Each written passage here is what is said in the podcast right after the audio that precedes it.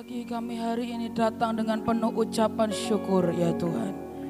Apa pun musim dalam hidup kami, kami akan tetap mengucap syukur. Apa pun yang terjadi dalam hidup kami, kami akan memilih untuk tetap mengucap syukur karena iman kami kepadamu ya Tuhan. Tapi hari ini meminta roh kudus, engkau berbicara di tengah-tengah kami.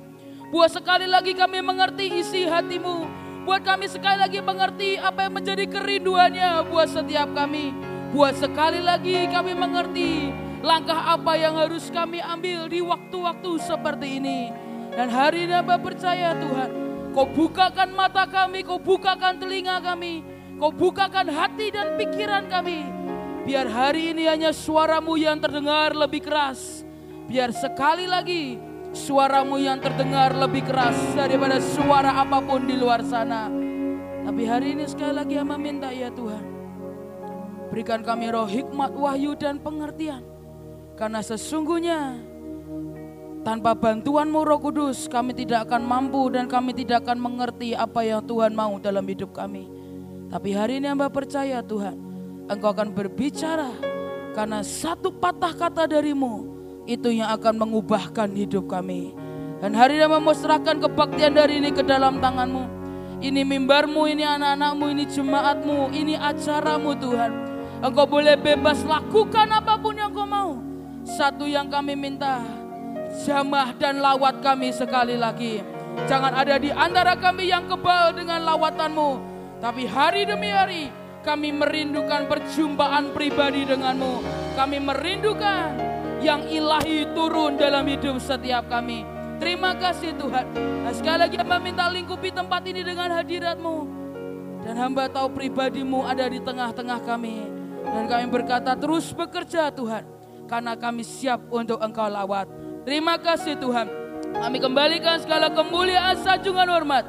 Hanya kepadamu. Di dalam nama Tuhan Yesus Kristus. Dan semua yang siap diberkati sama-sama katakan. Amin. Amin, amin, amin.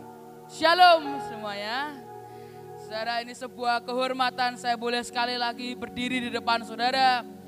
Dan hari ini saya membawa akan pesan Tuhan yang hari-hari ini Tuhan taruh di hidup saya. Adalah bagaimana hari-hari ini Tuhan berkata nak ada banyak orang mengalami keletihan dalam hidupnya. Entah keletihan mungkin di jiwa, keletihan di roh, tapi Tuhan berkata itu bahaya nak jika itu didiamkan. Dan ketika itu Tuhan beri saya judul From Strength to Strength. Karena saya percaya Tuhan akan bawa kita dari kekuatan kepada kekuatan lagi. From glory to glory. Tapi juga from grace to grace. Saudara dan hari ini saya berdoa biar ketika saya menyampaikan firman Tuhan biar roh kudus bekerja di tengah-tengah kita. Saya percaya biar sekali lagi kita pulang dengan keadaan dipulihkan dan diberikan kekuatan yang baru yang berasal dari Tuhan. Mari kita buka sama-sama satu Raja-Raja 19. Ayatnya cukup panjang, satu Raja-Raja 19 ayat yang pertama sampai ayat yang ke-14. Satu Raja-Raja 19 ayat yang pertama sampai ayat yang ke-14. Judulnya Elia ke Gunung Horeb. Ketika Ahab memberitahukan kepada Isabel segala yang dilakukan Elia dan perial Elia membunuh semua nabi itu dengan pedang. Maka Isabel menyuruh seorang suruhan mengatakan kepada Elia, Beginilah kiranya para Allah menghukum aku, bahkan lebih lagi daripada itu. Jika besok kira-kira pada waktu ini aku tidak membuat nyawamu sama seperti nyawa salah seorang dari mereka itu. Maka takutlah ia lalu bangkit dan pergi menyelamatkan nyawanya. Dan setelah sampai ke Beersheba yang termasuk wilayah Yehuda, ia meninggalkan bujangnya di sana. Tetapi ia sendiri masuk ke padang gurun sehari perjalanan jauhnya. Lalu duduk di bawah pohon sebuah pohon arar. Kemudian ia ingin mati, katanya, cukuplah itu sekarang ya Tuhan, ambillah nyawaku sebab aku ini tidak lebih baik daripada nenek moyangku. Sesudah itu ia berbaring dan tidur di bawah pohon arar itu. Tetapi tiba-tiba seorang malaikat menyentuh dia serta berkata kepadanya, bangunlah, makanlah. Ketika ia melihat sekitarnya, maka pada sebelah kepalanya ada roti bakar dan sebuah kendi berisi air. Lalu ia makan dan minum, kemudian berbaring pula. Tetapi malaikat Tuhan datang untuk kedua kalinya dan menyentuh dia serta berkata, bangunlah, makanlah, sebab kalau tidak perjalananmu nanti terlalu jauh bagimu. Maka bangunlah ia lalu makan dan minum. Dan oleh kekuatan makanan itu ia berjalan 40 hari 40 malam lamanya sampai ke gunung Allah yakni gunung Horeb. Di sana masuklah ia ke dalam sebuah gua dan bermalam di situ. Maka firman Tuhan datang kepadanya demikian. Apakah kerjamu di sini hai Elia? Jawabnya aku bekerja segiat-giatnya bagi Tuhan. Allah semesta alam. Karena orang Israel meninggalkan perjanjianmu. Meruntuhkan mesbah-mesbahmu dan membunuh nabi-nabimu dengan pedang. Hanya aku seorang dirilah yang masih hidup. Dan mereka ingin mencabut nyawaku. Lalu firmannya keluarlah dan berdiri di atas gunung itu di hadapan Tuhan. Maka Tuhan lalu angin besar dan kuat yang membelah gunung-gunung dan memecahkan bukit-bukit batu mendahului Tuhan. Tetapi tidak ada dalam angin itu. Dan sesudah angin itu datanglah gempa. Tetapi tidak ada Tuhan dalam gempa itu. Dan sesudah gempa itu datanglah api. Tetapi tidak ada Tuhan dalam api itu. Dan sesudah api itu datanglah bunyi angin sepoi-sepoi basah. Segera sesudah Elia mendengarnya, ia menyelubungi mukanya dengan jubahnya, lalu pergi keluar dan berdiri di pintu gua itu. Maka datanglah kepadanya yang berbunyi, apakah kerjamu di sini hai Elia? Jawabnya, aku bekerja segiat-giatnya bagi Tuhan, Allah semesta alam. Karena orang Israel meninggalkan perjanjianmu, meruntuhkan mesbah-mesbahmu, dan membunuh nabi-nabimu dengan pedang.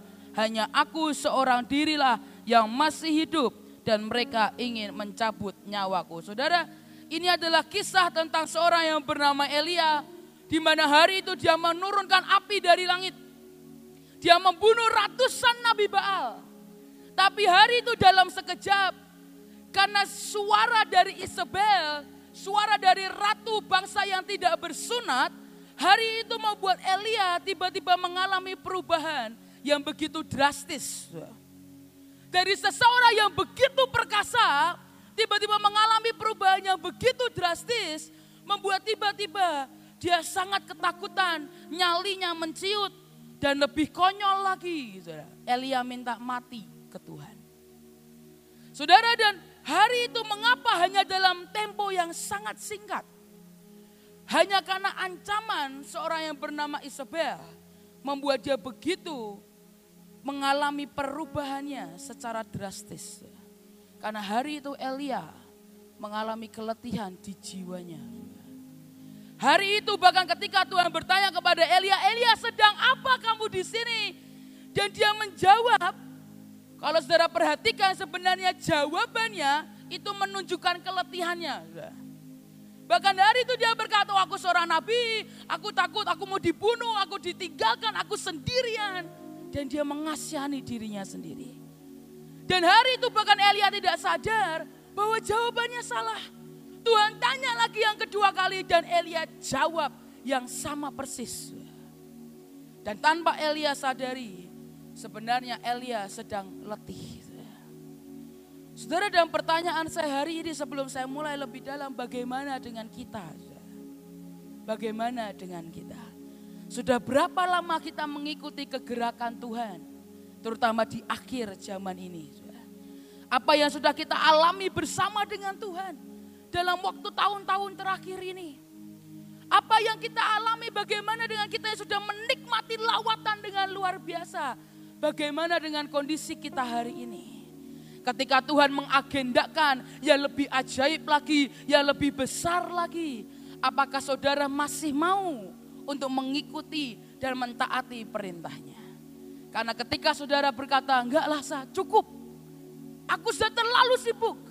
Aku terlalu letih. Artinya jiwa saudara mulai letih. Tapi hari ini saya berdoa, tidak ada di antara kita yang merasa letih. Percayalah Tuhan akan mengagendakan begitu lebih banyak lagi, lebih ajaib lagi. Pastinya akan lebih sibuk lagi. Saudara kadang saya berdoa ke Tuhan, Tuhan boleh nggak sih waktu tuh sehari bukan 24 jam, tiga kali 24 jam, saya bilang.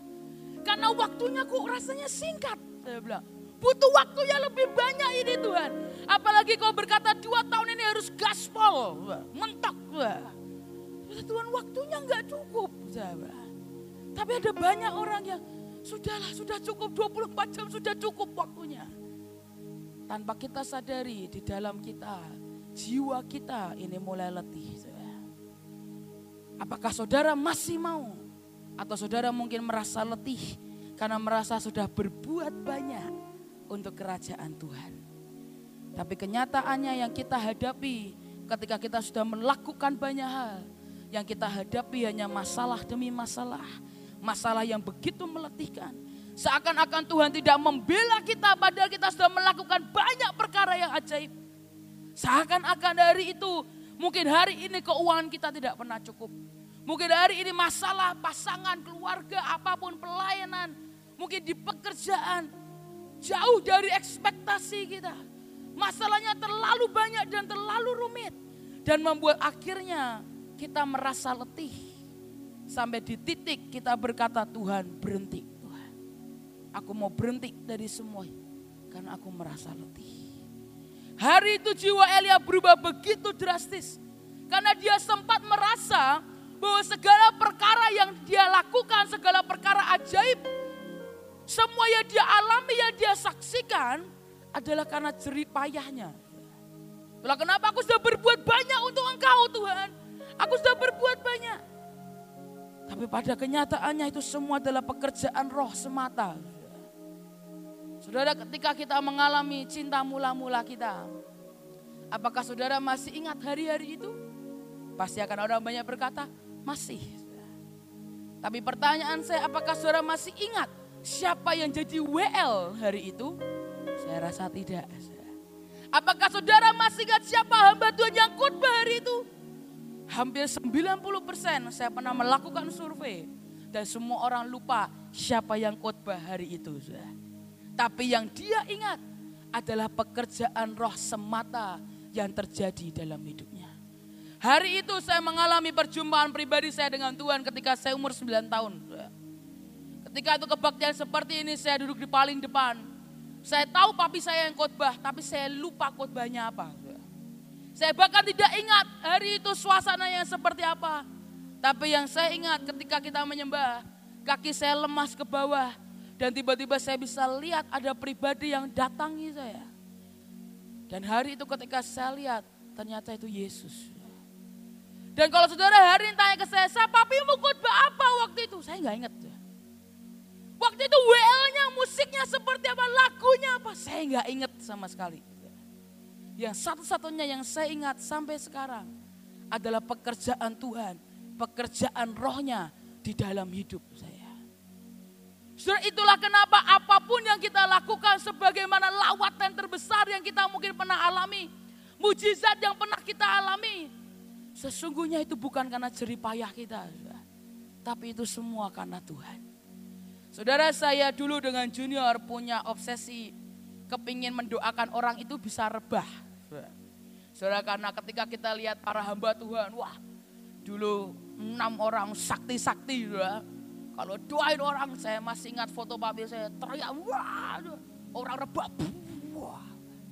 Sejak itu dari kecil saya punya obsesi mendoakan orang sampai orang itu rebah. Bukan obsesi yang baik tapi itu saya alami.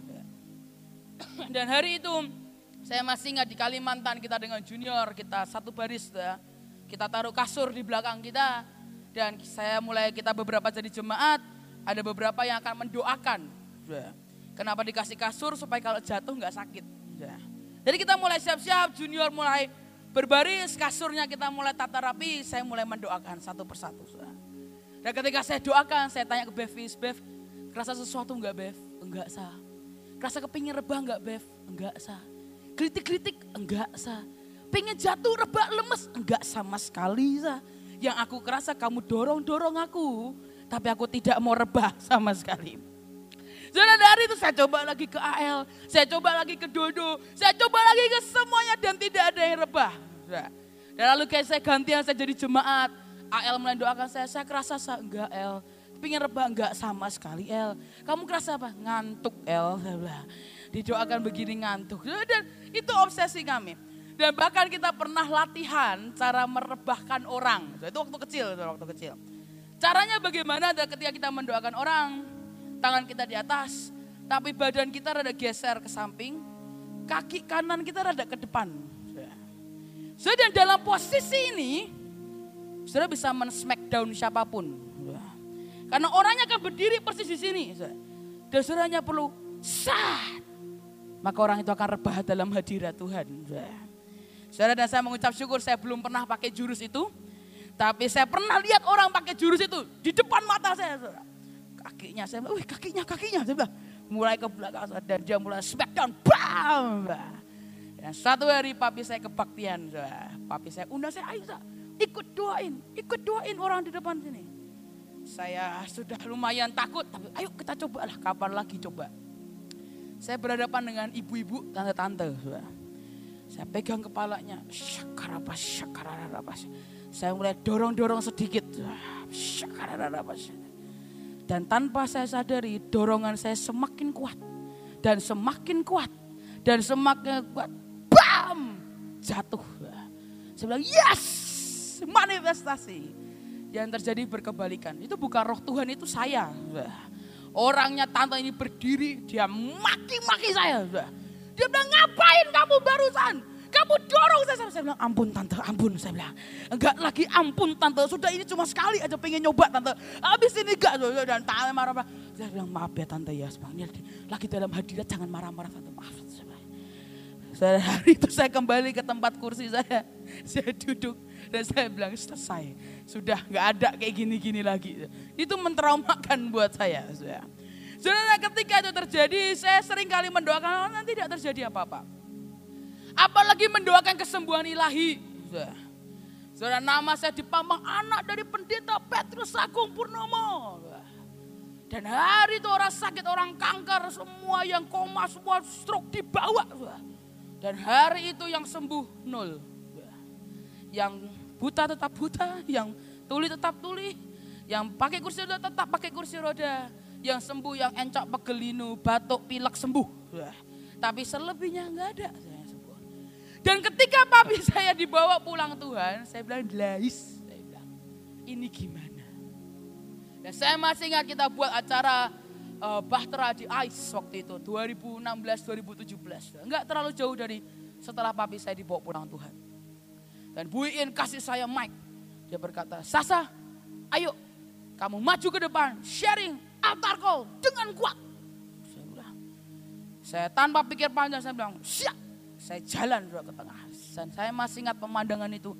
Ribuan, puluhan ribu orang menatap saya. Tapi hari itu yang saya tahu, bahkan hari ini saya lupa apa yang saya omongkan. Saya rasa seperti Tuhan menggerakkan mulut saya. Saya bicara tanpa saya mikir. Ketika itu saya bilang, siapa yang mau maju ke depan, lari ke depan. Karena saya pernah mengalami, saya undang orang maju ke depan, gak ada yang mau maju. Bahkan sampai sudah jangan malu, ayo maju ke depan. Gak, dari itu satu gereja tidak ada yang maju. Saya pulang, ibu gembalanya mencoba menghibur saya. Dia bilang, saya sebenarnya tadi tante mau maju, tapi tante malu. Tapi kuasa Tuhan kerasa kok sa. Tapi gak mau maju aja. Malu saya bilang, tante jangan menghibur saya. Nah, saya tahu itu tidak ada apa-apa. Dan itu gak apa-apa. Dan ketika itu saya gak tahu, saya mata merem. Sudah mudahkan maju ke depan. Dan refleks kelihatan di video, saya balik badan. Karena saya tidak mau melihat dan tidak mau malu di depan umum. Tapi ketika itu ribuan orang mulai maju. Saya mulai naik ke atas mimbar. Dan Tuhan mulai berkata, nak suruh mereka pegangan tangan. Saudara sejujurnya kalau Tuhan suruh dah suruh pegang tangan, itu menakutkan bagi saya. Bilang Tuhan, kalau mereka tidak rebah, mereka tidak alami Tuhan, ini hanya akan sebuah lelucon dan orang akan menganggap saya lelucon. Dan terutama mereka akan menganggap engkau lelucon Tuhan. Tapi hari itu bilang lakuin lah. Suruh mereka pegangan tangan. Dan hari itu saya bilang pegangan tangan dalam hitungan ketiga. Sudah, sampai sekarang masih ada videonya. Dan ini yang membuat hari demi hari saya tahu itu bukan tentang kita. Tapi itu semua tentang Tuhan. Ada dua gadis perempuan di depan sini. Sudah. Saya Tuhan bilang pegang yang kiri. Saya pegang yang kiri.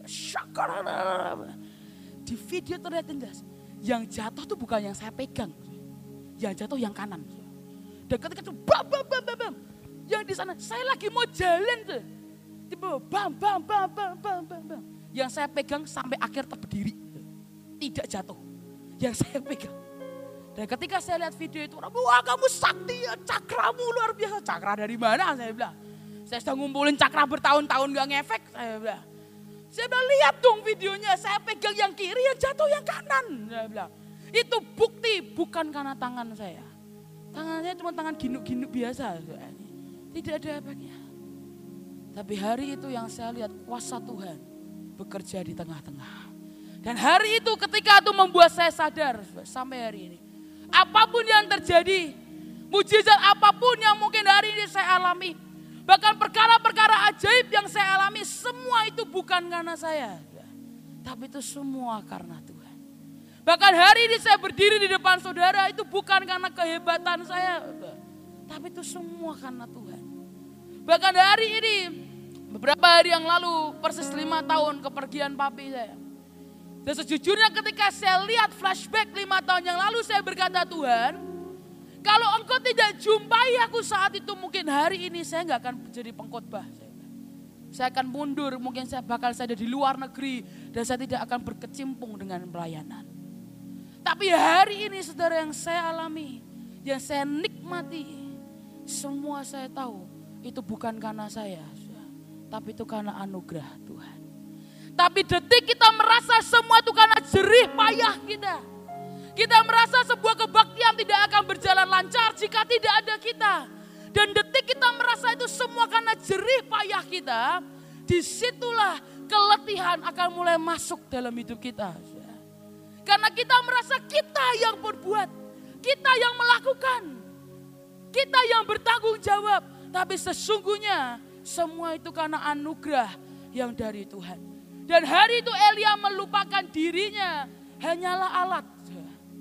Elia melupakan bahwa semua yang terjadi adalah karena Tuhan. Bahkan hari itu Tuhan coba kasih kekuatan dengan memberi angin sepoi-sepoi. Tapi hari itu jiwanya sudah terlanjur rusak. Dan ketika jiwanya terlalu rusak, dia terjerumus dalam mengasihani diri sendiri. Elia merasa dia adalah seorang diri. Dia berjuang menghadapi ancaman Isabel sendirian. Bahkan hari itu dia tidak menyadari bahwa ada tujuh ribu orang Israel yang berpihak kepada Elia. Tapi itu semua dia tidak bisa lagi melihat sisi yang baik dalam hal apa pun. Karena keletihan dalam jiwa Elia sudah terlalu parah. Keletihan yang dia rasakan sudah terlalu parah. Saudara dan inilah yang terjadi. Kalau saudara lanjutkan ke ayat yang 15 sampai ayat yang ke-18. Ayat yang ke-15 sampai ayat yang ke-18. Firman Tuhan kepadanya, pergilah kembalilah ke jalanmu melalui padang gurun ke Damsyik. Dan setelah engkau sampai, engkau harus mengurapi Hazael menjadi raja atas Aram. Juga Yehu cucu Nimsi harus tak kau urapi menjadi raja atas Israel dan Elisa bin Safat dari Abel Mehola harus kau urapi menjadi nabi menggantikan engkau. Maka siapa yang terluput dari pedang Hazael akan dibunuh oleh Yehu. Dan siapa yang terluput dari pedang Yehu akan dibunuh oleh Elisa. Tetapi aku akan meninggalkan tujuh ribu orang di Israel. Yakni semua orang yang tidak sujud menyembah Baal. Dan yang mulutnya tidak mencium dia. Hari itu setelah jiwa Elia tidak tertolong. Hari itu ketika bahkan Tuhan tanya dua kali dan Elia menjawab yang sama. Tuhan berkata, that's it, selesai. Jiwanya sudah nggak bisa ketolong. Dan hari itu Tuhan memutuskan pengalihan tugas. Dan Tuhan berkata kepada Elia, urapi beberapa orang yang aku suruh termasuk Elisa. Saudara karena rencananya dan kehendaknya itu harus tetap berjalan. Saudara sebuah movement atau kegerakan rencana Tuhan itu seperti kereta yang tidak bisa berhenti. Jadi saudara mau berhenti mencoba menghalangi kegerakan Tuhan, itu tidak bisa berhenti. Itu rencananya pasti terjadi. Sudah sering kali karena kasih seperti Tuhan kepada Elia karena kasih, Tuhan tidak bisa memaksa Elia. Tuhan tidak bisa lagi memaksa Elia karena jiwanya terlalu letih. Dan itulah kenapa Tuhan itu sangat menghargai free will, kehendak bebas dalam hidup kita. Itulah kenapa warisan terbaik dari engkong Yusa adalah kita berkata Tuhan, paksakan rencanamu dalam hidupku. Sekalipun aku letih, seret aku Tuhan. Supaya aku tetap sampai kepada destiny dan panggilanku. Tapi hari itu karena kasih Tuhan tidak bisa memaksa Elia. Dan akhir-akhirnya Elia pun tidak melakukan pekerjaan terakhirnya. Kalau saudara baca dia tidak pernah mengurapi siapa pun termasuk Elisa. Dia hanya meninggalkan jubah tapi dia tidak mengurapi siapa pun. Pada akhirnya Elia tetap tidak menyelesaikan tugasnya. Kalau saudara tanya terus kenapa dia bisa diangkat itu ada perhitungan Tuhan yang kita tidak pernah mengerti. Tapi hari itu yang saya tahu akhirnya harus terjadi pengalihan tugas. Dan itulah kenapa keletihan yang didiamkan itu akan membuat kita tidak bisa menyelesaikan tugas kita dengan tuntas. Saudara ada saya berdoa, jangan ada di antara kita yang merasa kuat tanpa Tuhan. Tapi ketika kita merasa letih, mari kita kembali ke Tuhan. Mari kita kembali ke Tuhan. Dan jangan didiamkan. Saudara dan kita harus mengenali keletihan jiwa kita. Dan kita harus jangan mendiamkan setiap keletihan dalam hidup kita. Saudara saya punya teman S2 psikolog dan saya tanya, apa sih ciri-ciri keletihan jiwa? Saya bilang, bagaimana caranya orang bisa tahu bahwa dia merasa letih secara jiwa dan bukan hanya letih di badan. Saudara yang pertama dia berkata, sah orang-orang itu akan merasa terasa draining. Draining itu seperti rasanya kayak selalu capek, apa-apa selalu capek. Sudah tidur 24 jam pun tetap capek. Lalu kemudian susah mengontrol emosi. Kalau senggol dikit pukul, senggol dikit bacok. Orang tidak bisa mengontrol emosi. Dikit-dikit emosi, dikit-dikit emosi. Lebih sensitif, bukan hanya buat perempuan, tapi buat laki-laki juga sama. Saudara. Dia omongin, wah kamu kok kurusan dari ini, kok cantik. Wah ini mau pasti ada maunya ini. Ada ada apa ini? Saudara lebih sensitif. Saudara. Kalau saudara alami itu, artinya saudara mulai mengalami keletihan jiwa. Malas padahal itu hal yang sepele. Saudara. Misal hari itu cuma diberikan perintah, ayo ya kita berdoa setiap hari lima menit. Hal sepele, hal yang mudah, hal yang ringan. Tapi kita males banget, saudara. Males, semuanya males. Tuh bilang, nak baca Alkitab satu pasal aja. Aduh males banget tuh. Eh, malas, padahal itu hal yang mudah. Dan tidak perlu malas-malasan. Tapi artinya kalau saudara alami itu, saudara sedang mengalami keletihan jiwa. Tugas kecil menjadi beban Cuman disuruh mungkin angkat gelas. Yang kecil ini, yang ringan ini. Kita bilang, aduh berat, aduh berat. Ini berat banget ya kayak ngangkat galon. Sudah semuanya kan saudara ngomel. Saudara kan hidupmu dengan penuh dengan omelan. Susah untuk fokus. Keletihan di jiwa sampai ke fisik. Saudara stres itu bisa menimbulkan banyak keletihan di fisik. Bisa sakit penyakit, macam-macam. Error dalam hal apa pun. Tetapi melebihi biasanya. Ketika tugas diberikan dalam hidup kita, kita akan melakukan kesalahan demi kesalahan, kesalahan demi kesalahan. Karena keletihan dalam hidup setiap kita. Dan hari ini mungkin pertanyaan saudara bagaimana caranya bisa pulih. Mari buka sama-sama Yunus 2 ayat yang ketujuh. Yunus 2 ayat yang ketujuh. Ketika jiwaku letih lesu di dalam aku, teringatlah aku kepada Tuhan dan sampailah doaku kepadamu ke dalam baitmu yang kudus. Kalau dalam terjemahan New King James Version dikatakan, When my soul fainted within me, I remember the Lord. And my prayer went up to you into your holy temple. Hari itu dalam pengembaraannya Yunus. Hari itu Yunus diberikan perintah dia tidak mau, dia mengembara sendiri. Dan dalam keletihannya Bahkan hari itu jiwanya bukan hanya letih tapi sampai fainted, pingsan. Bukan cuma letih tapi sampai pingsan. Tapi di situlah reaksi Yunus merubah segalanya. Firman Tuhan berkata, then I remember the Lord. Saudara, orang Kristen tidak kebal dengan yang namanya keletihan. Kita semua pasti pernah mengalami atau mungkin saudara ada di titik ini hari ini. Tapi saudara, reaksi kita terhadap keletihan itu, itu akan mengubah segalanya. Keletihan, ke, reaksi kita kepada keletihan itu, itu yang akan menentukan banyak hal dalam hidup kita. Apakah kita akan berhenti, kita akan terhentikan, atau kita akan memilih seperti anak panah di tangan seorang pahlawan. Yang ketika anak panah itu sebelum diluncurkan, dia akan ditarik ke belakang, bukan ke depan, ke belakang. Ditarik apakah enak, gak enak. Seperti kita mau belajar split. Ditarik itu gak enak, sakit. Tapi ketika kita tetap bertahan, karena kita percaya kepada sang pahlawan yang sedang memegang hidup kita.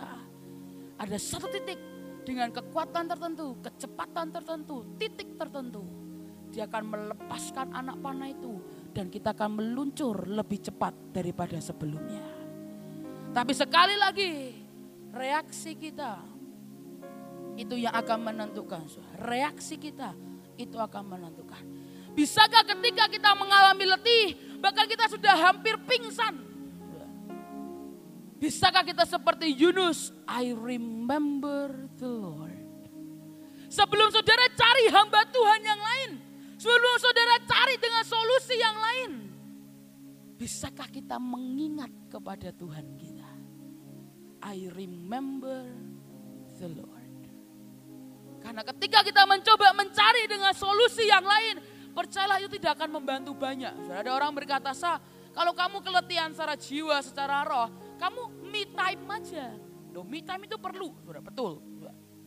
Tapi pertanyaan saya, berapa persen sih dari me time itu bisa menyembuhkan kita? Dari 100% keletihan, berapa persen me time melakukan yang kita suka itu bisa menyembuhkan kita? Karena yang saya alami, adalah ketika saya coba melakukan apa yang saya suka. Berenang, gambar lah, apalah, cari makan lah. Itu hanya bisa menyembuhkan saya cuma sebentar dan cuma sedikit. Mungkin cuma 10 persen. Tapi ketika saya datang kepada Tuhan, I remember the Lord. Tuhan bisa memulihkan kita 100 persen. Dan satu-satunya cara untuk kita pulih, cuman hanya datang kepada dia. Cuman hanya datang kepada dia. Saudara dan yang kedua, 2 Korintus 12 ayat yang ke-9 sampai ayat yang ke-10. 2 Korintus 12 ayat yang ke-9 sampai ayat yang ke-10. Saya ambil dalam terjemahan The Message. Dia berkata, Paulus berkata, I quit focusing on the handicap. Aku berhenti melihat dan berfokus hanya kepada kecacatan dalam hidupku. Kelemahan dalam hidupku yang membuat aku letih. And began appreciating the gift dan mulai appreciate, mulai mengapresiasi, mulai mengucap syukur dengan apa yang Tuhan berikan dalam hidup kita, termasuk kelemahan dalam hidup setiap kita, termasuk masalah dalam hidup setiap kita. It was a case of Christ's strength moving in on my weakness. Ketika kita bisa berhenti melihat kecacatan, kelemahan, masalah dalam hidup kita, dan kita mulai bisa mengapresiasi semua yang kita punya hari ini. Termasuk kelemahan kita. Dan kita mulai mengucap syukur. Ada kekuatan Kristus yang masuk dalam hidup setiap kita. When you remember the Lord, ketika kita mengingat Tuhan dan kita mulai mengapresiasi semuanya. Kita bisa mengucap syukur dengan luapan ucapan syukur kita memilih untuk mengucap syukur. Di situlah ada kekuatan Tuhan yang masuk dalam hidup setiap kita. Bahkan Paulus berkata, now I take limitation in stride and with good cheer.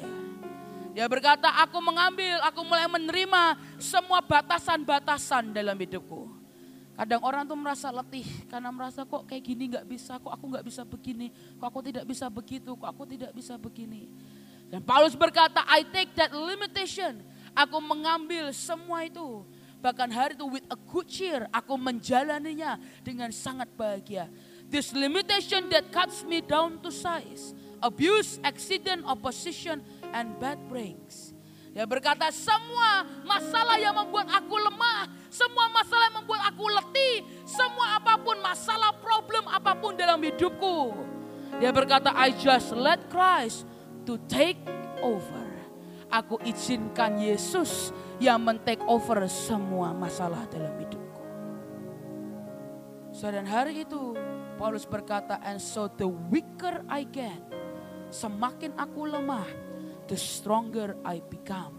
Aku akan semakin kuat Kenapa saudara? Karena ada kekuatan Tuhan yang masuk dalam hidup setiap kita. Tapi saudara, we need to let go and let God. Kita perlu mau lepaskan dan berserah. Saudara nggak mudah loh untuk berserah begini itu nggak mudah. Tapi saat kita bisa let go and let God to take over.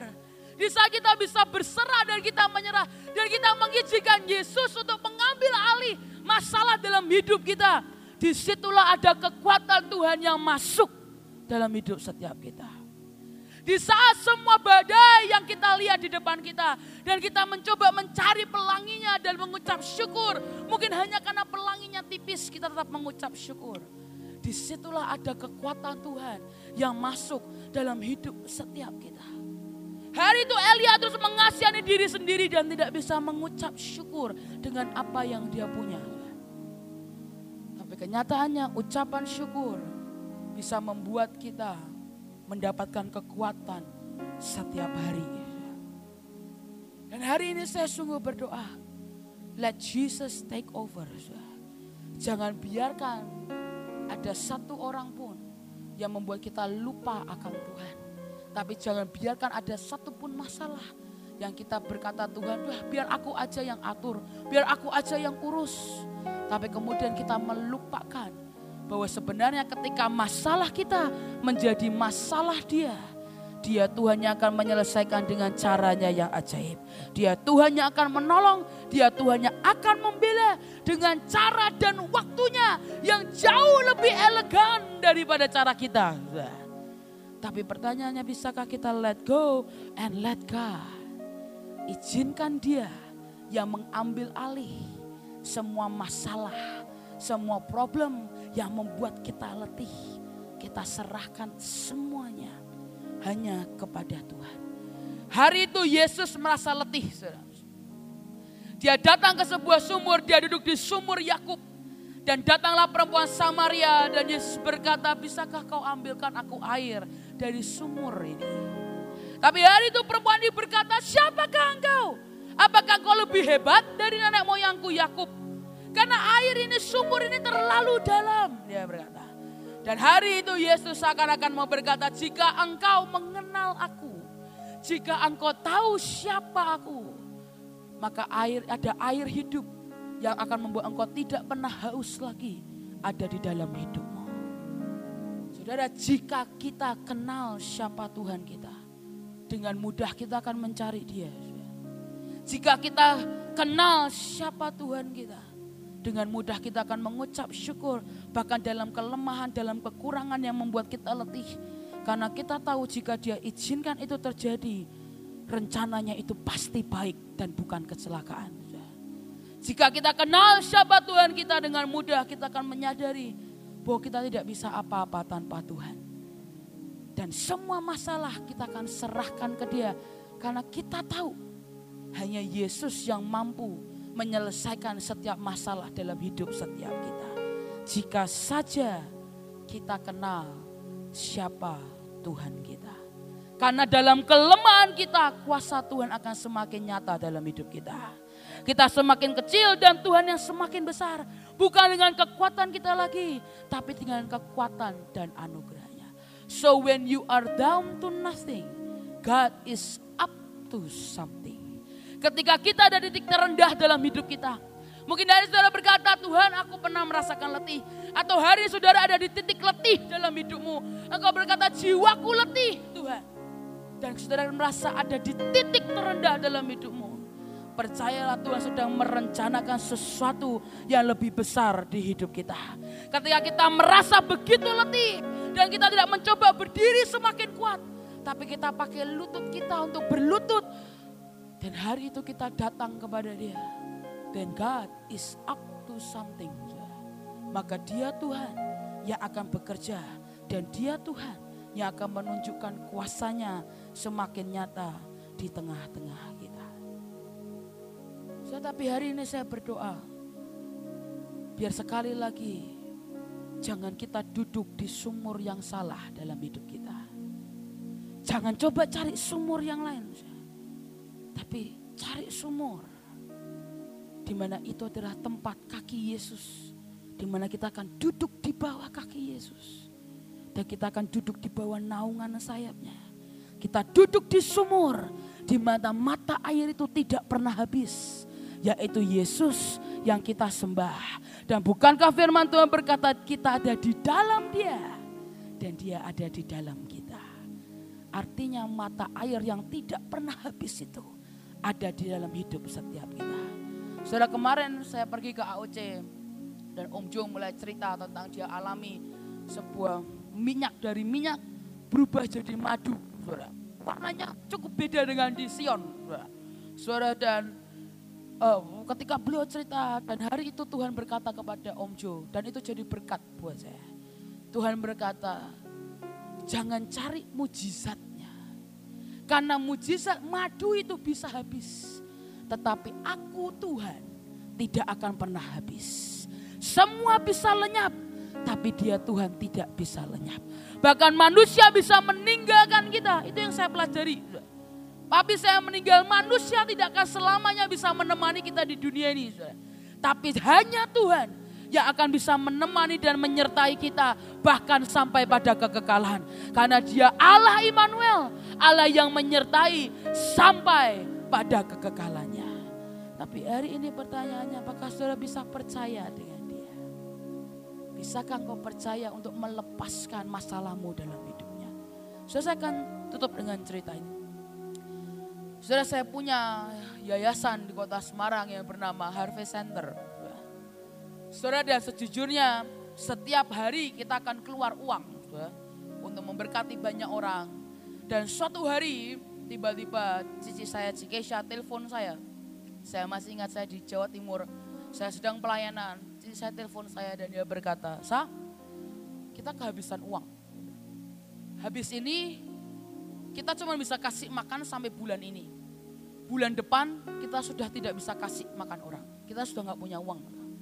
Saudara saya nggak punya, kalau mungkin orang bilang penghasilan tetap, donatur tetap, saya nggak punya itu semua. Saudara karena saya saya nggak punya gereja, saya nggak menggembalakan siapa pun, jadi saya nggak punya uang. Setiap minggunya saya nggak punya uang. Jadi saya cuma mengandalkan dia semata. Dan ketika itu saya stres. Saya kalau sudah stres sampai ke fisik. Mah, saya mulai mencret-mencret, saya mulai muntah-muntah, asam lambung mulai naik, wah, saya mulai tidak karu-karuan. Saya khotbah tidak fokus, saya ngomongnya A ke C, C ke Z, Z ke mana. Saya hari itu kacau. Saya stres. Dan ketika itu tiba-tiba saya ingat, saya ingat khotbah dari Ibu Iin. Ibu Iin khotbah di SHRK. Dan hari itu Ibu Iin berkata, hari itu Mahanaim tidak punya uang. Saya, sama. Ibu Iin berkata, kita saya sudah bilang kepada semua para pekerja-pekerja bahwa eh kalau tidak ada gaji ya sudah ya. PK pun juga mungkin tidak ada. Tapi hari itu yang saya cukup kaget Ibu In berkata, tapi hari itu apakah saudara pikir saya stres? Saya tidak stres. Saya bilang kok hebat. Saya, bilang. saya tidak stres, kenapa? Saya bilang ke Tuhan, Tuhan ini yayasanmu. Ini anak-anakmu. Kalau ini anak-anakmu, ini yayasanmu, engkau yang akan bertanggung jawab mengurus mereka. Dan singkat cerita hari itu, ibu yang bersaksi bagaimana Tuhan mencukupkan kebutuhan dari Mahanaim. Saya sekali lagi duduk paling depan dan saya berkata Tuhan, saya tahu dari pelajaran itu. Dan hari itu saya datang ke Tuhan dan saya bilang Tuhan, yayasan ini milikmu. Saya bilang, ini bukan milik saya, ini bukan tanggung jawab saya. Saya mengelolakan, ya betul. Tapi engkau yang suruh kalau engkau tidak suruh, saya nggak mau sudah punya yayasan. Dia bilang, ribet, dia bilang. Tapi karena engkau yang suruh dan setiap hari engkau perintahkan kami untuk mengadopsi kampung demi kampung. Sekolah demi sekolah, panti-panti asuhan. Kalau hari ini kau suruh, maka Tuhan engkau yang akan bertanggung jawab. Dan hari itu saya berkata, Tuhan, jika engkau masih mau, engkau masih melihat kami, masih mampu dan bisa dipercaya untuk memberi makan orang, maka berkatilah kami. Tapi jika hari itu engkau tidak melihat kami, engkau tidak bisa pakai kami lagi, maka jangan berkati kami. Dan hari itu, itu tidak semudah kata-kata yang hari ini saya ucapkan. Karena bahkan ketika semua orang telepon saya ini gimana uangnya gak ada, uang yang gak ada. Saya cuma diam dan saya berkata mari kita tunggu Tuhan. Karena sejujurnya kita mau cari, saya kita mau jual apa? Saya bilang, gak ada uang. Tapi hari itu yang saya lihat, tiba-tiba ada orang telepon, bilang, saya aku mau kasih donasi daging satu ton. Daging sapi satu ton. Saudara dan itulah kita buat makanan bola-bola semur. Saudara. Tiap malam bulat-bulat daging satu ton itu luar biasa sampai sampai mau muntah. Saudara. Tapi hari itu ketika kita lihat dalam satu bulan itu sapi terus semua. Saudara. Dan hari itu setelah itu sampai hari ini 20 Maret persis adalah tiga tahun yayasan ini berjalan. Dan tidak pernah ada satu hari pun Tuhan izinkan kami kekurangan uang Bahkan sampai hari ini Tuhan berkati kami dengan begitu melimpah dan luar biasa. Tapi sekali lagi saudara, untuk menyerahkan ke Tuhan tidak semudah kata-kata. Tapi hari ini saya berdoa demi kasih Tuhan. Tuhan kita itu bisa kita andalkan. Tuhan kita itu lebih besar dari setiap masalah yang kita hadapi. Tuhan kita itu lebih besar dari semua apa pun yang membuat kita letih. Bahkan di saat kita letih, kadang dia izinkan kita mengalami keletihan. Sudah tahu kenapa? Supaya kita sadar bahwa kita memang manusia biasa. Bahwa kita sadar kita butuh Tuhan dalam hidup setiap kita. Dan tanpa penyertaan dia, semuanya akan menjadi sia-sia. Tapi hari ini saya sungguh berdoa. Ketika hari ini saya datang ke tempat ini, tiba-tiba muncul lagu Give Thanks with a Grateful Heart. Biar hari ini kita berkata Tuhan, aku mengucap syukur. Apa pun yang terjadi dalam hidupku, aku akan mengucap syukur. Sekalipun ini meletihkan jiwaku, aku akan mengucap syukur. Karena ketika aku bisa mengucap syukur dan aku berserah, di situlah engkau Tuhan yang akan menunjukkan kuasamu di tengah-tengah. Hari itu ketika Petrus berjalan di atas air, Firman Tuhan berkata dia berjalan dan tiba-tiba dia merasakan ombak di telapak kakinya. Dan ketika itu dia mulai tenggelam. Padahal sehari itu jarak Petrus dengan Yesus itu cuma seuluran tangan. Karena hari itu firman Tuhan berkata maka terulurlah tangan Yesus menarik Petrus ke atas. Jadi jaraknya dekat. Tapi hari itu Petrus lebih memilih untuk mendengarkan suara ketakutan Petrus memilih mendengarkan suara ombak badai dalam hidupnya daripada melihat Yesus yang ada tepat di depan matanya. Tapi bahkan ketika Petrus tenggelam dalam keletihannya, Tuhan kita tidak pernah menyerah dengan Petrus. Dia tetap tarik Petrus keluar. Dan ketika itu tidak ada firman yang berkata, maka datanglah kapal untuk menyelamatkan Petrus dan Yesus. Tapi hari itu kembalilah Yesus dengan Petrus ke kapal. Artinya Petrus kembali lagi jalan di atas air. Saudara, kita itu punya Tuhan yang tidak menyerah dengan hidup kita.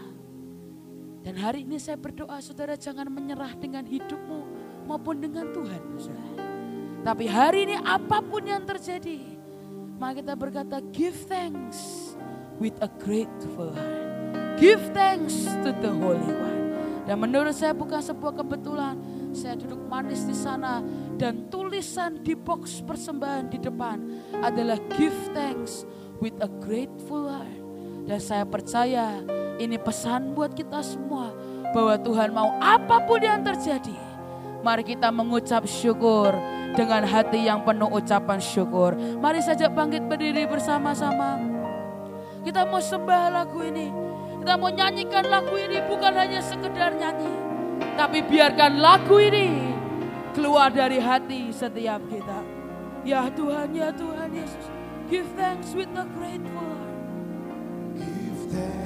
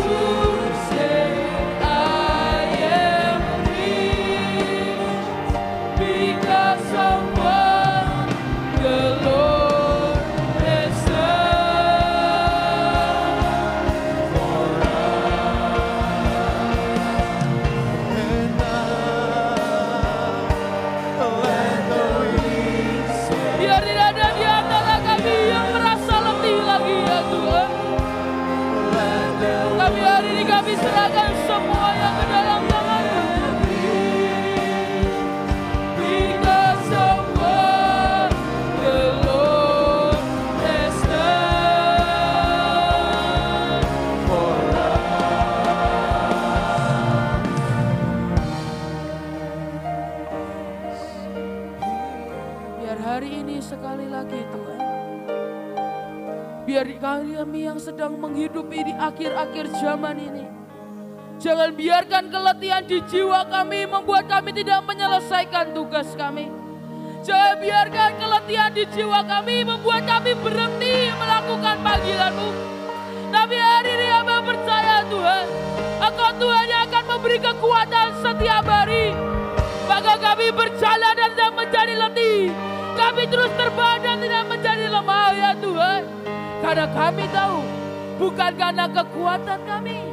Tapi semua karena kekuatan darimu ya Tuhan. Dan hari ini mau berdoa Tuhan. Biarkan kami belajar untuk berserah.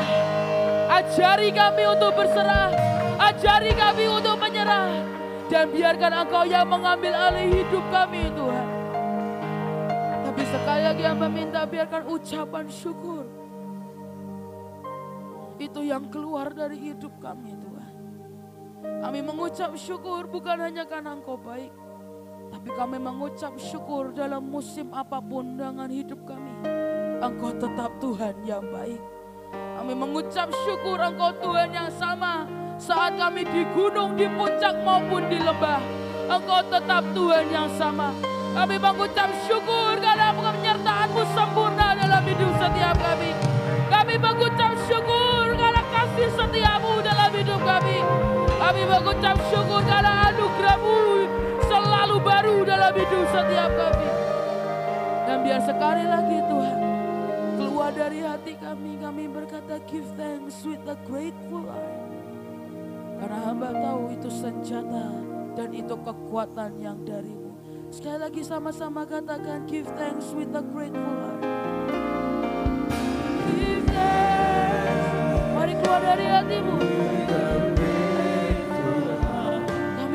Mengucap syukur Tuhan.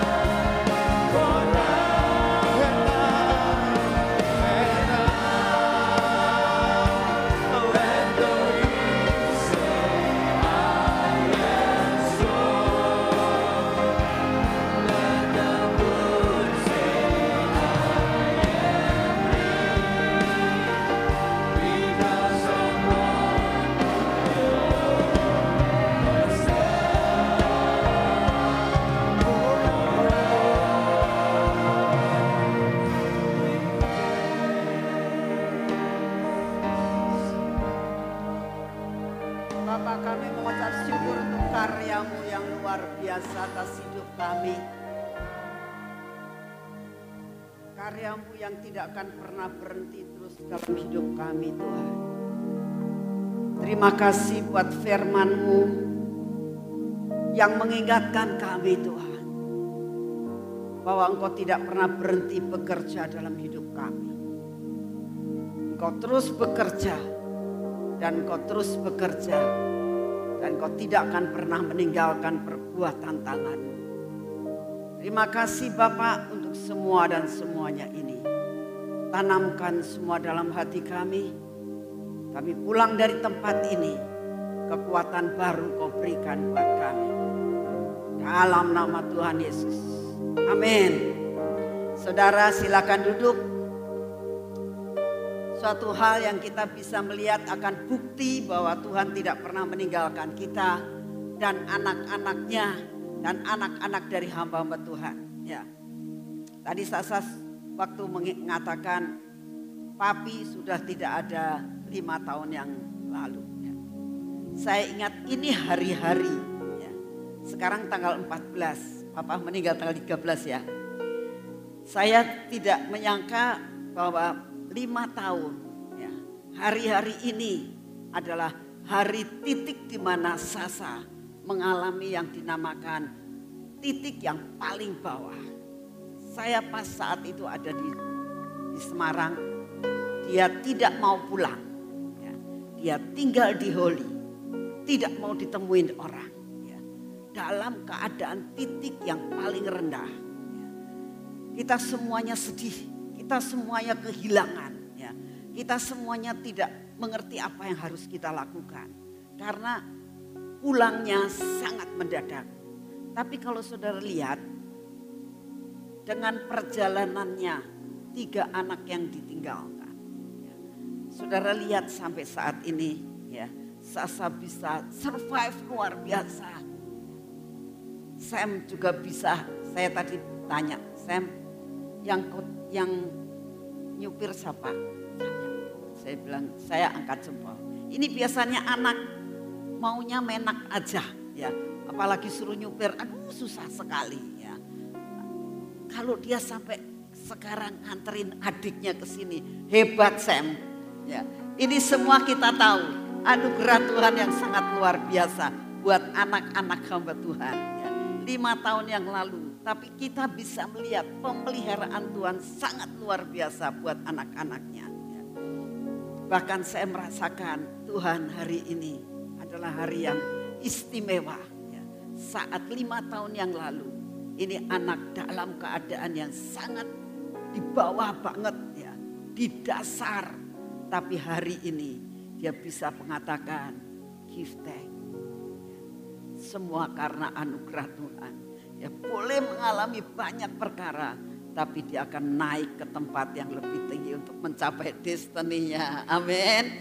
Ini yang saya sampaikan kepada saudara, mengingatkan kita semuanya. Lima tahun yang lalu terjadi sesuatu hal yang kita semua kehilangan. Tapi kalau kita sampai ada sampai saat ini, kita tahu semua karena kasih karunia anugerah Tuhan. Amin. Saudara ada beberapa pengumuman yang akan disampaikan. Silakan.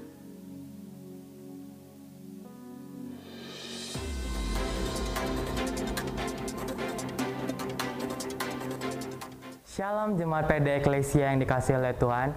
Saya Joses akan menyampaikan informasi seputar kegiatan di PD Eklesia selama satu minggu ke depan.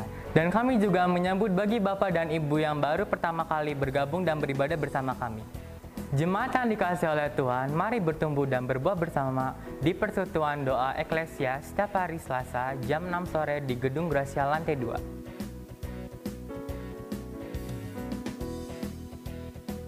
Hai guys, buat kalian yang masih muda, yuk gabung ke ibadah Lifeguard Youth Community setiap hari Jumat jam 6 sore di Gedung Gracia lantai 2. Pengumumannya salah loh. Minggu depan bukan pagi dulu. Coba lihat. Untuk informasi lebih lanjut, kalian bisa follow lo di Instagram kami at lifeguard.community. See you!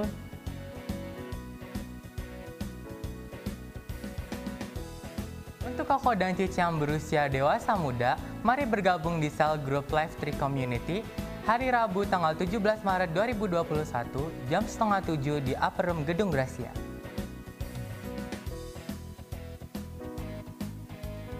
Halo adik-adik, yuk ikut gabung ke ibadah Sion Kids setiap hari Selasa jam setengah 7 di Upper Room Gedung Gracia. Sion Kids, berakar, bertumbuh, berbuah. See you!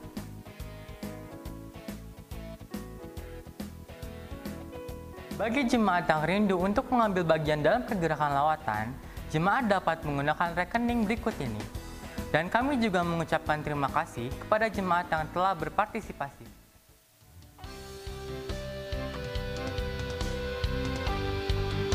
Setiap hari Minggu kita pelayanan terus ke desa-desa, ke daerah-daerah lereng gunung dan kita juga melakukan pelayanan buat orang-orang yang saat ini sedang dalam keadaan terkena banjir dan sebagainya.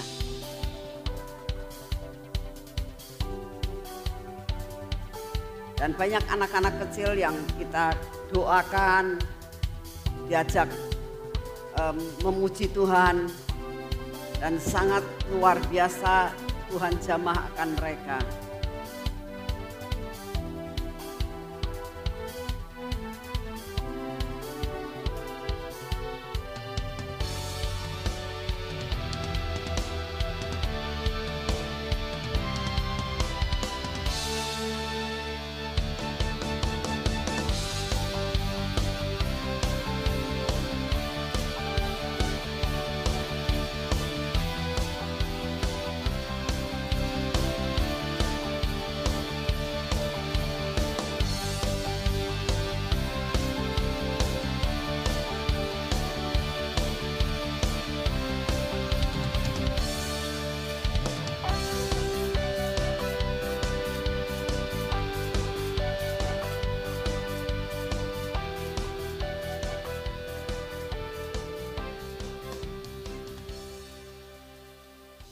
Jemaat juga dapat menyaksikan kembali serangkaian ibadah kami di YouTube channel Sion Media.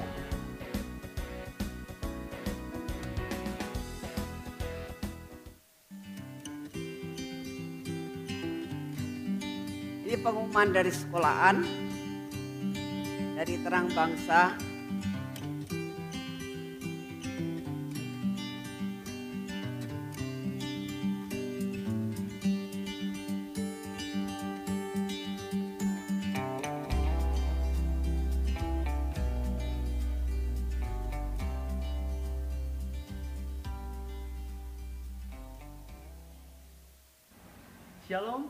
Saya.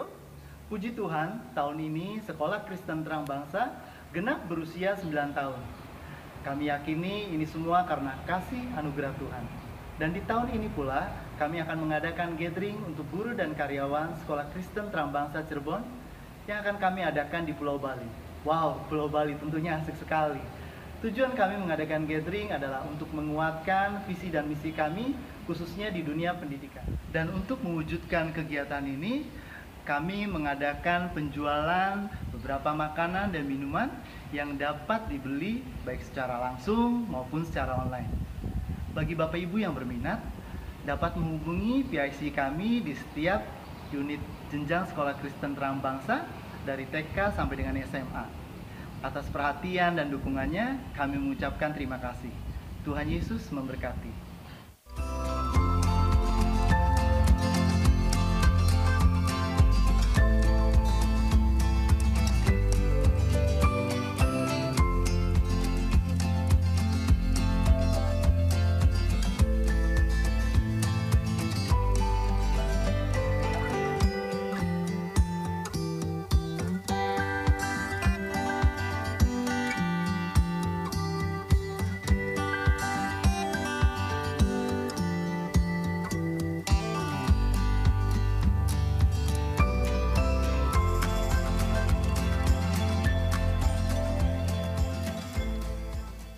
Sekian informasi yang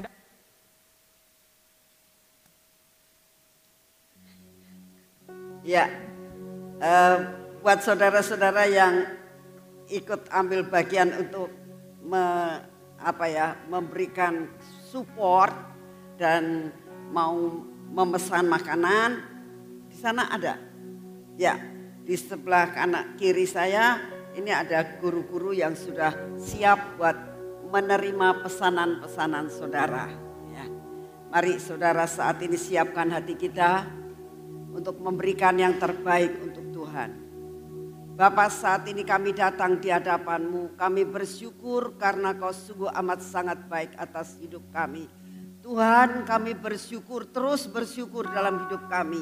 Karena engkau berdaulat atas hidup kami. Saat ini kami mau mengembalikan semua berkat anugerah yang kau berikan buat kami Tuhan. Kami bersyukur untuk semua dan semuanya. Engkau terima semua persembahan kami Tuhan. Inilah yang kami berikan kepadamu. Kami memberikan yang terbaik untukmu Tuhan. Engkau terima persembahan kami. Engkau kuduskan persembahan kami. Engkau sucikan persembahan kami. Terima untuk kemuliaan bagi namamu Bapa. Dalam nama Tuhan Yesus. Amin. Mari saudara silakan maju ke depan dan memberi yang terbaik untuk Tuhan.